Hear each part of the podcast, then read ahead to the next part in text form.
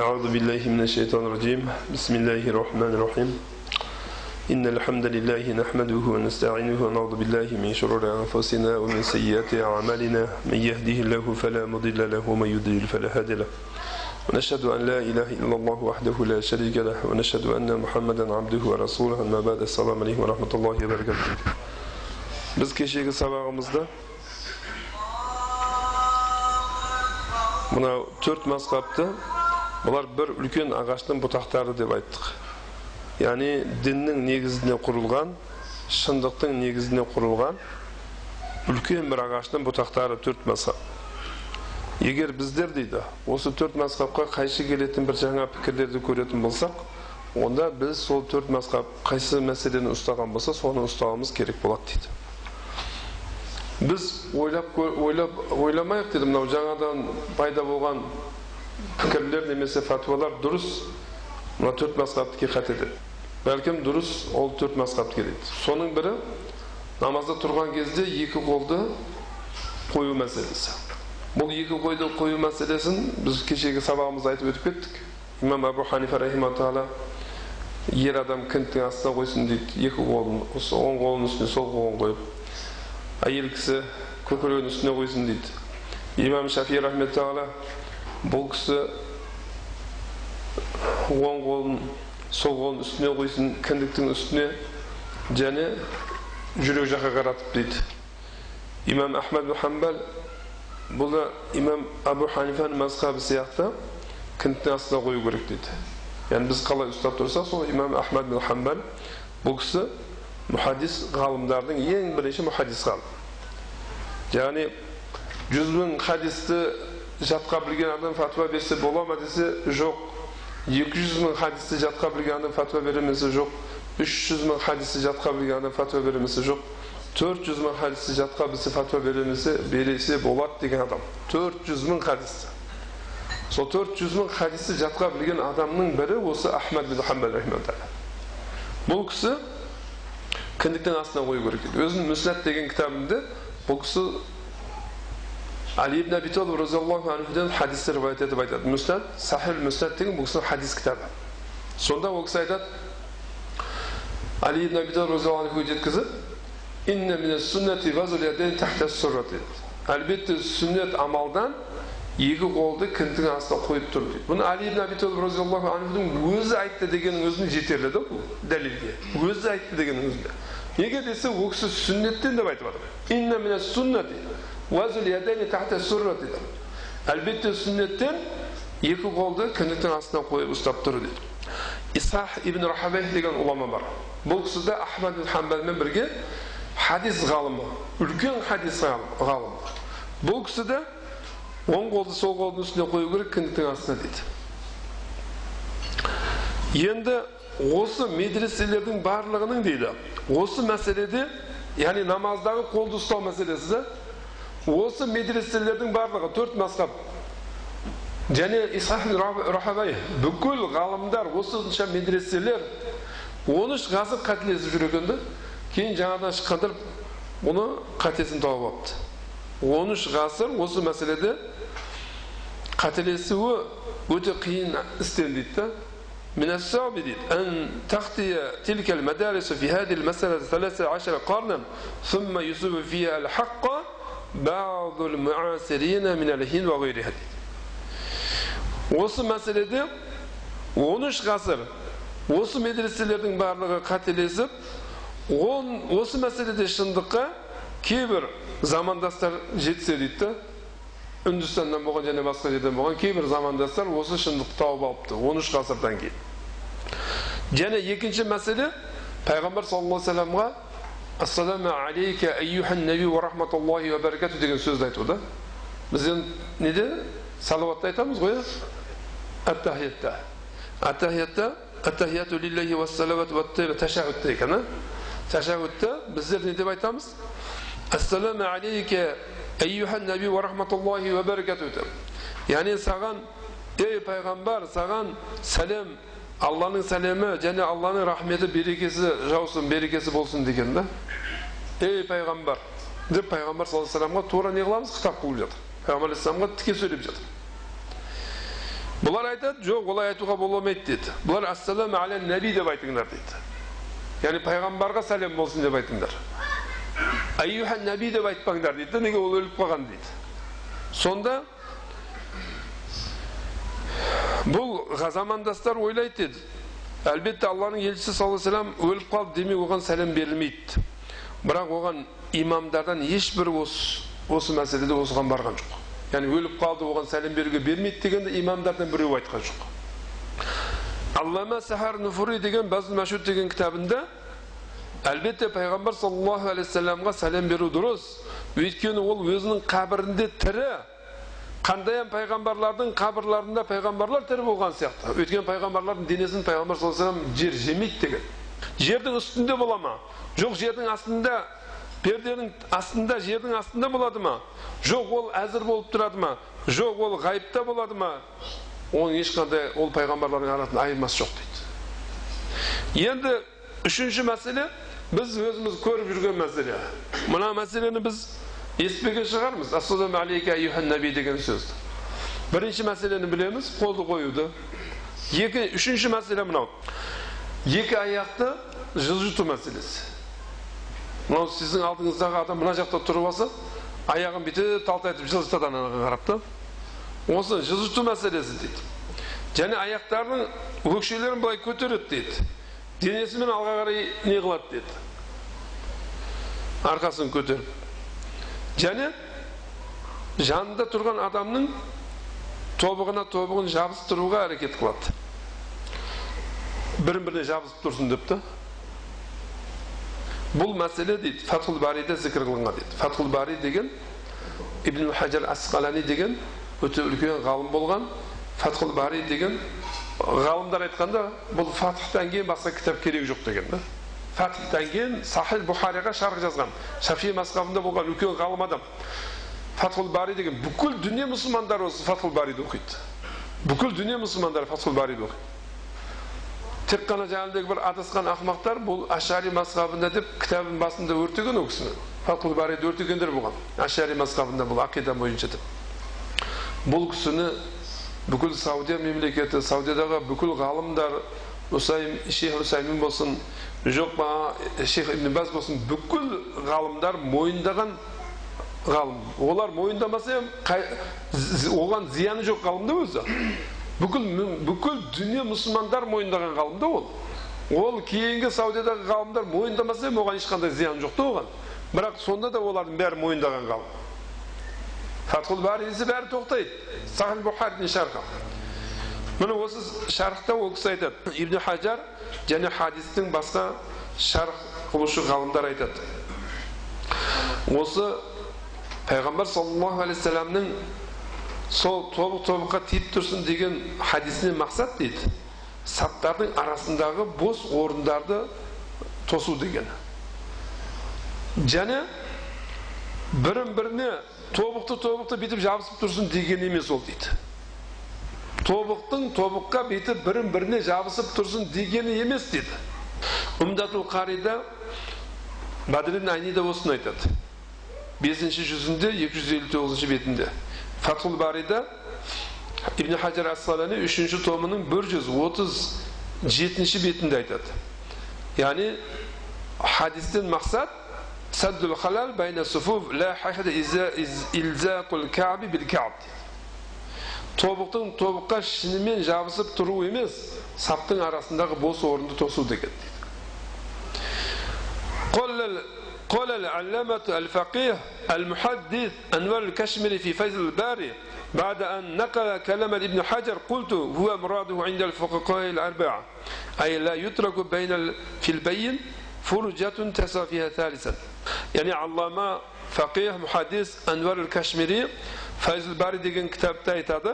Ibn hajarning осы so'zini yetkazgandan keyin bu to'rt imomning da to'rt fahih imomni da maqsadi o'si deydi. Ya'ni imom abu hanifa imom malik imom shafiy imom ahmad hambalding barining de nesi maqsadi o'si ya'ni saptың arasында uchinchi odam siyatim bir bo'sh o'rin qolmasin degan. Uchinchi odam siyatim bo'sh o'rin qolmasin degan ya'ni birin birine тобықты жабыстырып тұрсын деген емес кейін алла ол кісіні рахмет етсін. Жамағатта намаз оқушының тұруыменен жалғыз намаз оқушының тұруының арасын салыстырып байлап айтады. Мен дейді сәләфта дейді. Сәләф дегенде қазіргі күнде өздеріне сәләфиміз деп сәләфилердің атын тағып жатқан адамдар турасын айтып жатқан жоқ бұл жерде. Сәләф деп шынымен, шынымен өткен сәләф ғұламаларын айтып жатыр яғни олар сахабалар табииндер таба табииндер міне осы сәләфті сәләфтардың ішінде мен жамағаттың қалы менен жеке оқыған адамның қалін ажыратқан бір адам таппадым дейді жамаатта қалай тұрсаң жеке тұрған кезде қалай тұрсаң жамаатта солай тұр а бізде жеке тұрған кезде аяғын бірін біріне жақын қояды да жамаатта тұрған кезде екі аяғын керіп тұрады бүйтіп ешбір салаптың сәләф ғұламалары яғни мәселен сәләф деген алдыңғы сол сағадат дәуірінде өткен адамдар айтады бақыт дәуірінде өткен адамдар айтады пайғамбарымыз мұхаммад саллаллаху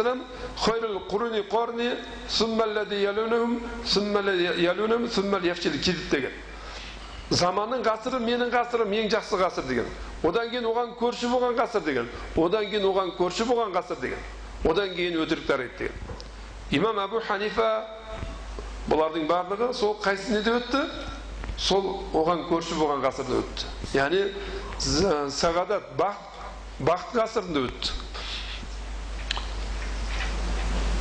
бұлар дейді сол дәрежеде яғни жамағатта тұру менен жеке тұрудың арасында артықша ажыратқан ешқайсысы болған жоқ дейді кейін айтады бұл мәселе хадасат кейін пайда болды дейді яғни мәселен топ тобыққа жабысып тұру керек деген жамағатта тұрған адам жеке тұрған адамнан басқаша болу керек деген сөздер кейін пайда болды дейді сөйтіп оларға өте қатты оларға қатты сөз айтып айтады бұл мәселе дейді бұны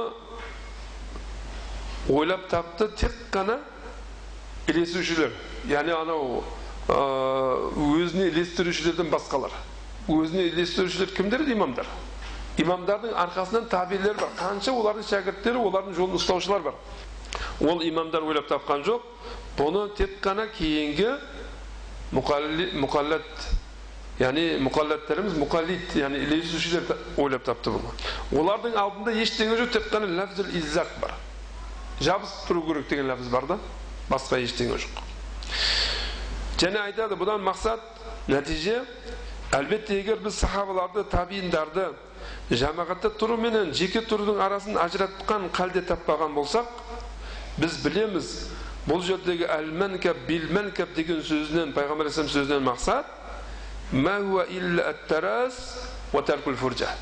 яғни бұл тек қана сапты тегіс қылып арада бос орынды тастау.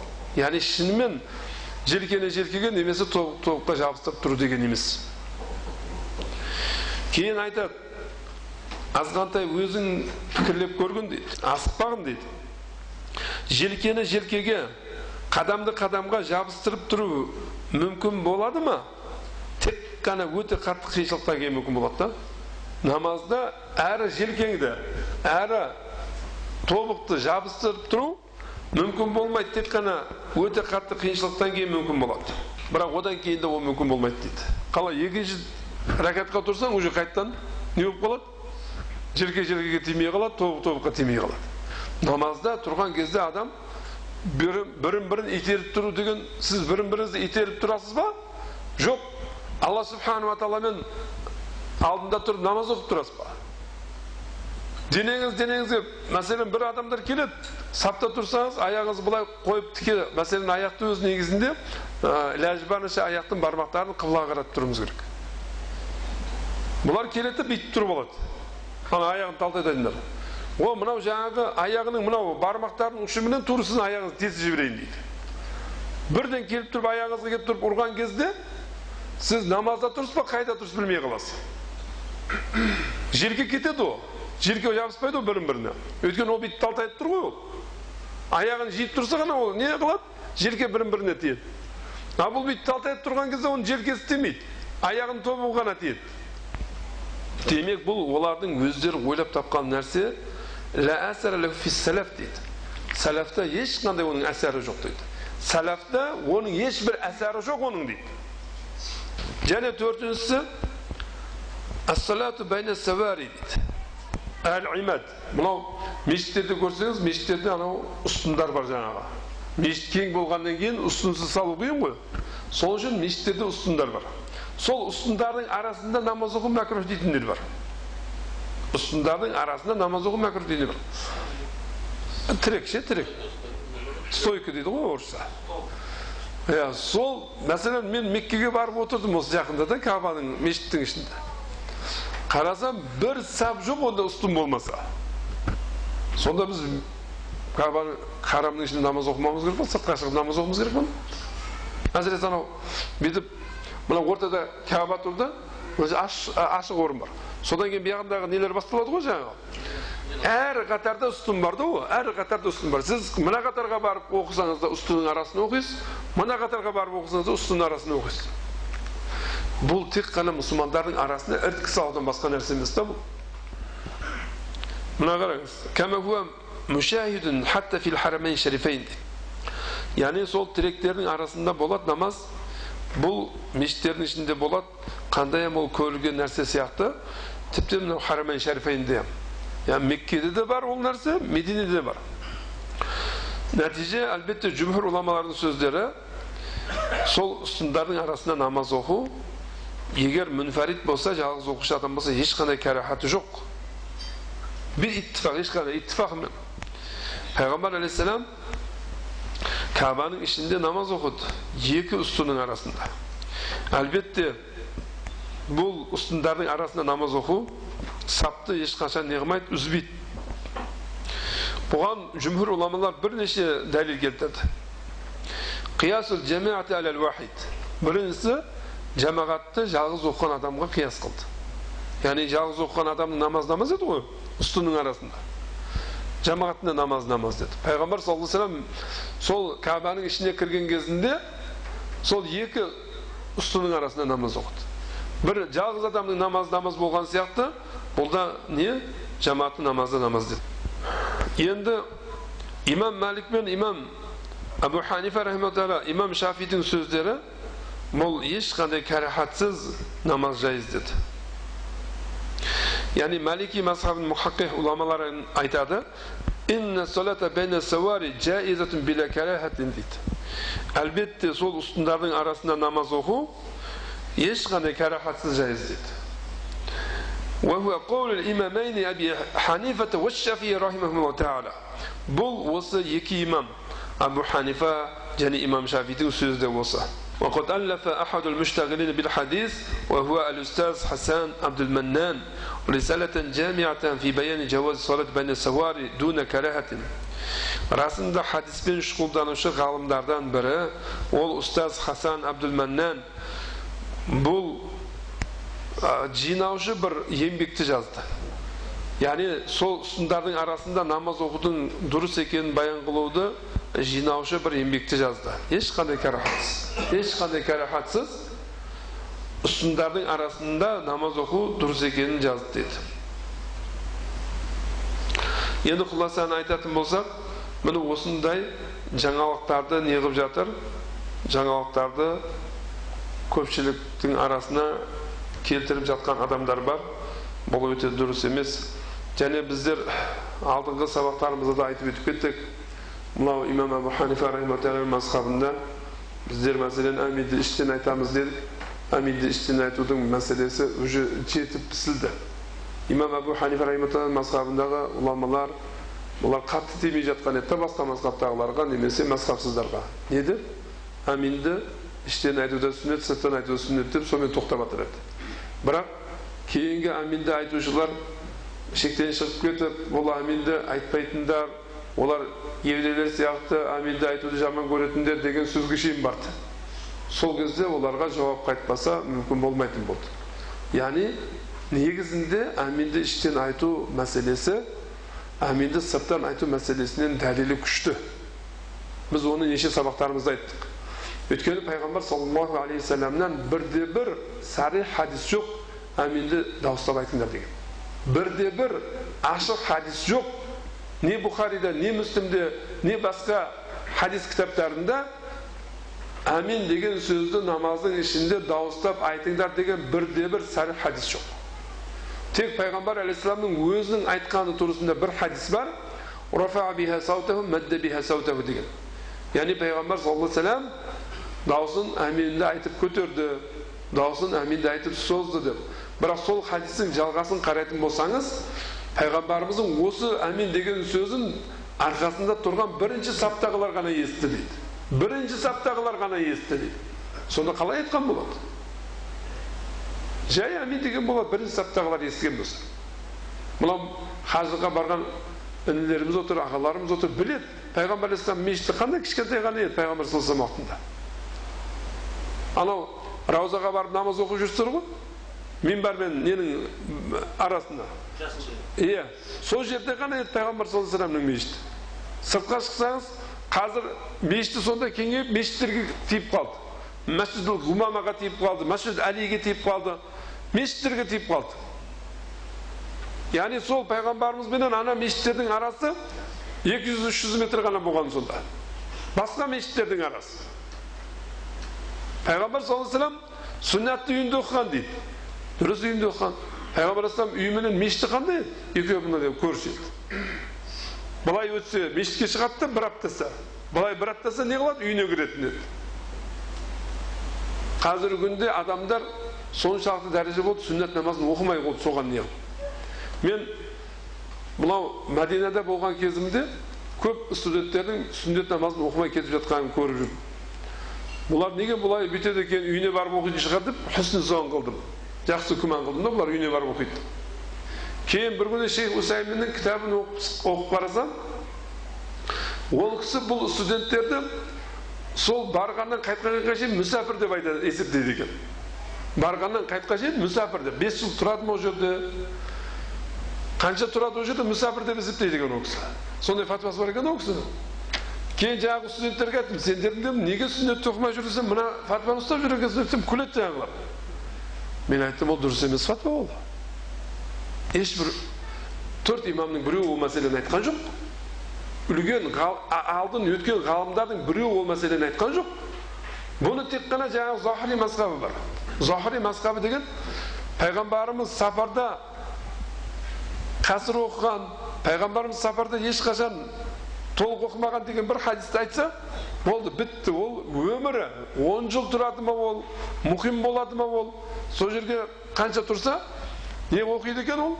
қасыр оқи береді екен сол кітабында жазып қойыпты шейх сендер мынау біз сендерге сол қасыр оқы сендер сапардасыңдар дегенімізден мақсат сендер әрдайым өйтіп оқыңдар дегеніміз сендер сол жердің мешітіне барыңдар да толық оқыңдар дейді мешітіне барғаннан кейін мешіттің имамына не қылады ғой мешіттің имамына барып иқтида қыласыңдар толық оқисыңдар сүннетінде оқыңдар сол кезде деп жатыр да соның үшін ағайындар қазіргі күнде сол жастарымыз тек қана захырын алатын болып қалды захир деген нәстің дәлелдің тек қана сыртқы көрінісін алатын болып қалды міне сол әминді қарасаңыз пайғамбар саллаллаху алейхи вассалам айтады егер имам десе сендер әмин деп айтыңдар дейді өйткені имам да оны ішінен айтады дейді осы жерде фақулу әмин деген кезде сендер әмин деп айтыңдар деген кезде дауыстап айтыңдар деген жоқ та дауыстап айтыңдар деген жоқ сосын екінші мәселе біздердің мешіттерімізде көріп жүрген мәселе рафл дейді екі қолды көтеру намазда екі қолды көтеру рукуге барғанда рукуге қайтқанда екі қолды көтеру бұны да ханафи мазхаб ғұламалар мәнсух дейді мәнсух дегені күшін жойған дейді қол көтеру дұрыс емес дейді мәнсух дегені қол көтеру дұрыс емес дейді күшін жойған хадис дейді бұхарида келген хадис ибн умар разиаллаху анху риwayat еткен яғни мен пайғамбар саллаллаху алейhi вассаламның рукуге барғанда рукуге қайтқанда қол көтергенін көрдім дейді ибн умар разиаллаху анху айтады бірақ ол кісіге қызмет қылған мүжахид деген табиғин табиин мүжахид деген ұлы табииндер мұфассир мұхаддис болған ұлы табииндер ол кісі айтады мен дейді ибн умарға дейді өлетін кезінде екі жыл қызмет қылдым дейді мен ол кісіні намазға келген кезде аллаху акбар деп намазға кірген кезде қол көтергенін көрдім. Қайтып қол көтерген жоқ дейді. Ибн умар сахабалардың ішіндегі ең кішкентай сүннеттерге амал қылған адам ең кішкентай сүннеттерге амал қылған адам. Пайғамбарымыз қай жерде оң аяғымен өткен болса оң аяғымен сол аяғымен өткен болса сол аяғымен қай жерде отырып демалған болса демалған сахаба. Сол кісі өлетін кезінде неге екі жыл қолын рүкуге барғанда рүкуге қайтқанда көтермеді? Өзінің айтқанына амалымен қарсы келді. Ешқашан ондай сахаба өзі айтқан сөзге ешқашан амалында қарсы келмейді. Қашан? Егер соның ананың мансұқ екенін білмесе күшін жойғанын білмесе. Бізге осы мәселелер жетіп асып жатыр ғой. Ана күні мен алматыда болсам бір жігіт әжептәуір жігіт намаздан кейін қол көтеріп отыр бет сипаймыз ғой. Бетін сипамастан тұрып кетіп отыр. Сосын мәселен парыздан кейін тұрып сүннат оқимыз. Ол мәселен жаңағыдегі парыздан кейін отырып несін ә, айтып отырды. Одан кейін намаздан кейін қолын көтеріп бет сипаған жоқ. Мен жаңа жігітке шақырып айттым. Енді бізбен алдынан араласып жүретін жігіт содан кейін айттым бұл не істеген сенің не бұл? мен айттым дәлел болмаса сенің айтқаның дұрыс еді дедім да қол көтеріп бет сипауға дәлел болмаса мен сенің айтқаның дұрыс еді қол көтеріп бет сипауға сол саудиялықтардың үлкен ұстазы сол жаңағыдегі шейх үсәймін өзінің мүстәлі хадис деген кітабында хасан лиғори деген хадиске дәлел келтіреді осыны умар бин хаттаб разиаллаху анхуден рауаят етілген хадистен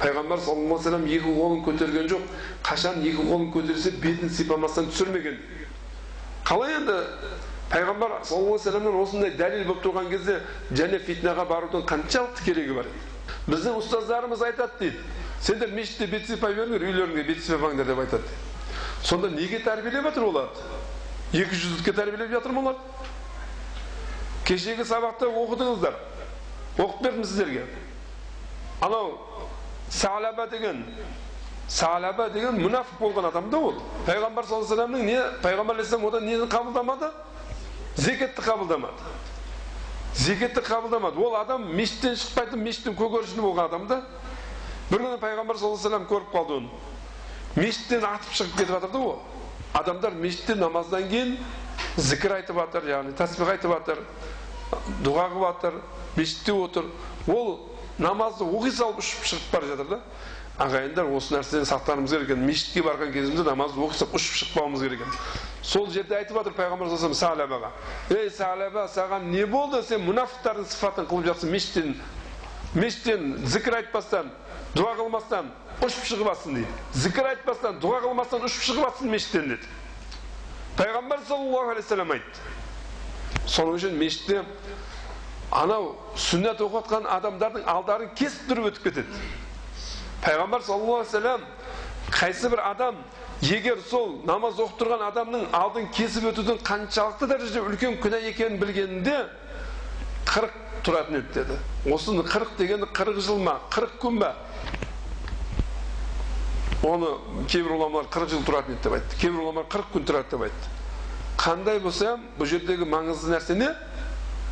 Өте ұзақ тұратын еді деген. өте ұзақ тұратын еді деген. оның қандай үлкен күнә екенін білген еді ал бұлар жаңағыдегі намазды оқиды да парызды оқиды да сразу артқа е сен парызды оқып шығып кетесің ба ең ақырғы сапта тұр адамдардың алдын кесетін сап бірінші сапқа барып тұрып алма сен ең ақырғы сапқа барып тұр шығып кететін болсаң асығыс жұмысың болатын болса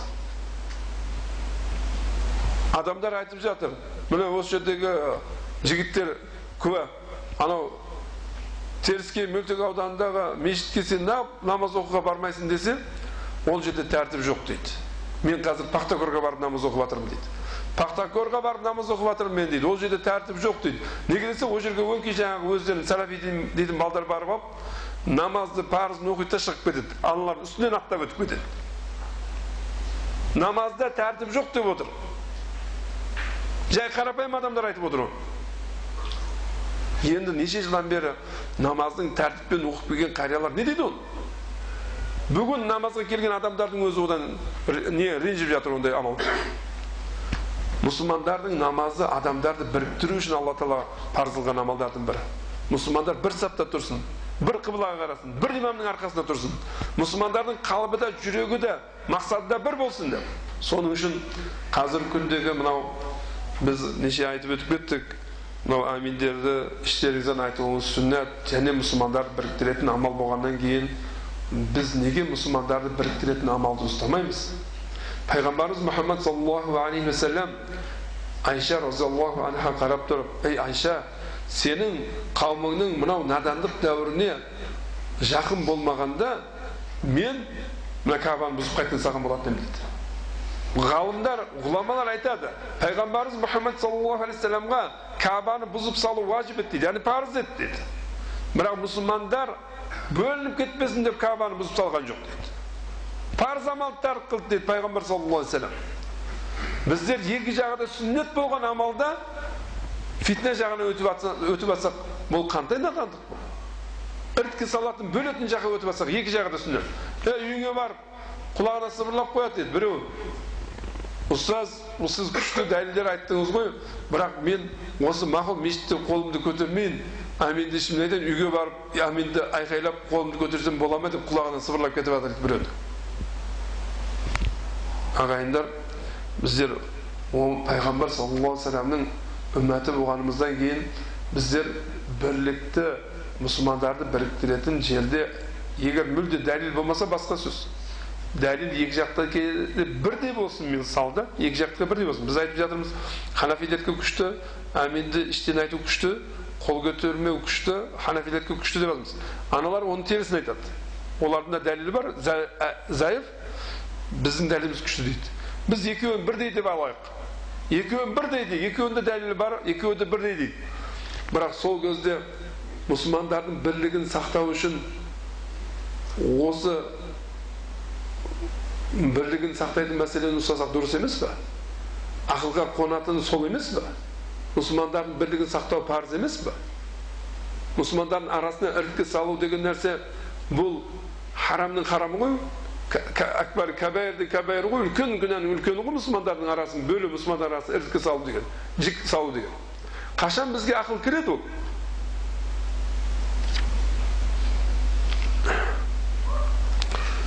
ибн кәрама айтады біз вакияның алдында едік дейді бұл бұхаридің шайхтарынан бірі дейді бұхаридің ұстаздарынан бірі имам бұхаридің ұстаздарының бірі вакияның алдында едік дейді бұл имам шафидің де шейхі болған адам екен яғни уакия деген бұл кісі табииндардан болған ғалым мұхаддис ғалым бұл имам бұхаридің ұстазы имам шафидің де ұстазы сонда бір кісі айтты фақала рожулун ахта абу ханифата деді абу ханифа қателесті деді осы имам вакияның алдында имам бұхаридің ұстазының алдында имам шафидің ұстазының алдында бір кісі тұрып ахта абу ханифа деді абу ханифа адасты қателесті сонда вакия тұрып айтты кейфа абу ханифа ай юхтия маху мислу аби юсуф деді وزفر ومحمد في قياسهم واجتهادهم деді қалай абу ханифа қателесуі мүмкін онымен бірге абу юсуф зуфар мұхаммад өздерінің қиястары мен ижтихаттарында болса деді яғни сондай мүжтәһид ғалымдар болса оның алдында абу юсуф сияқты имам зуфар сияқты имам мұхаммад сияқты өз қиястары мен ижтихаттарында болған мүжтәһид ғалымдар болса және яхия ибн закария абу заида хафс ибн ғаяз хиббан мандел бұлар әлидің екі баласы өз хадистері мен хадисті білуінде қасым ибн маин яғни ибн абдурахман ибн абдуллах ибн масуд алла олардың бәрі рахметнасын араб лұғаттарын білуде дауд ибн наср таиф ибн ияз өздерінің тақуасында кімнің ол олардың сұхбаттасы мен достары болса оның адасуы мүмкін емес деді кім олар кім олар кімнің сұхбаттасы шәкірті болатын болса ол адамның адаспауы мүмкін емес деді өйткені егер ол адасса қателессе оны олар аналар оны шындыққа қайтарып қояды деді қараңыздар және бір рет қайтарып айтамыз فقال واقع كيف يقدر أبو حنيفة أن يخطئ ومعه مثل أبي يوسف وزفر ومحمد في قياسهم واجتهادهم ومثل يحيى بن زكريا بن أبي زايدة وحفص بن غياس وحبان ومنديل ابن علي في حديثهم ومعرفتهم به والقاسم بن معن يعني ابن عبد الرحمن بن عبد الله بن مسعود رحمه الله تعالى في معرفة اللغة العربية وداود بن النسر الطائي وفزايل بن عياز في زهدهما وورعهما من كان هؤلاء أصحابه جلساؤه لم يكن ليخطئ لأنه إذا أخطى رده إلى الحق. qalay أبو حنيفة قتل سوء من كندت agar من dedi أبو يوسف زفار محمد өз қияс ишқаттарында болса деді және яхя ибн закария ибн аби заиданың баласы хафс ибн ғияз хиббан мандил әлидің екі ұлы бұлар өз хадисімен хадисті білуінде қасым мән яғни абдурахман ибн абдуллах ибн масуд ибн масудтың шөбересі екен бұл алла бәрін рахмет етсін араб тілін білуінде дауд ибн наср таи фузайл ибн ияз өздерінің тақуасы мен дүниеден бет бұруында осы осынша адамдар оның серіктері болса яғни шәкірттері болса және оның сұхбаттастары болса ол ешқашан қателесуі мүмкін емес деді. Егер ол қателесетін болса деді оны шындыққа қайтарып қояды деді. Жарир айтады дейді сәмету ал амаш амаш айтады амашты естідім дейді. Оған бір кісі бір мәселені сұрап келді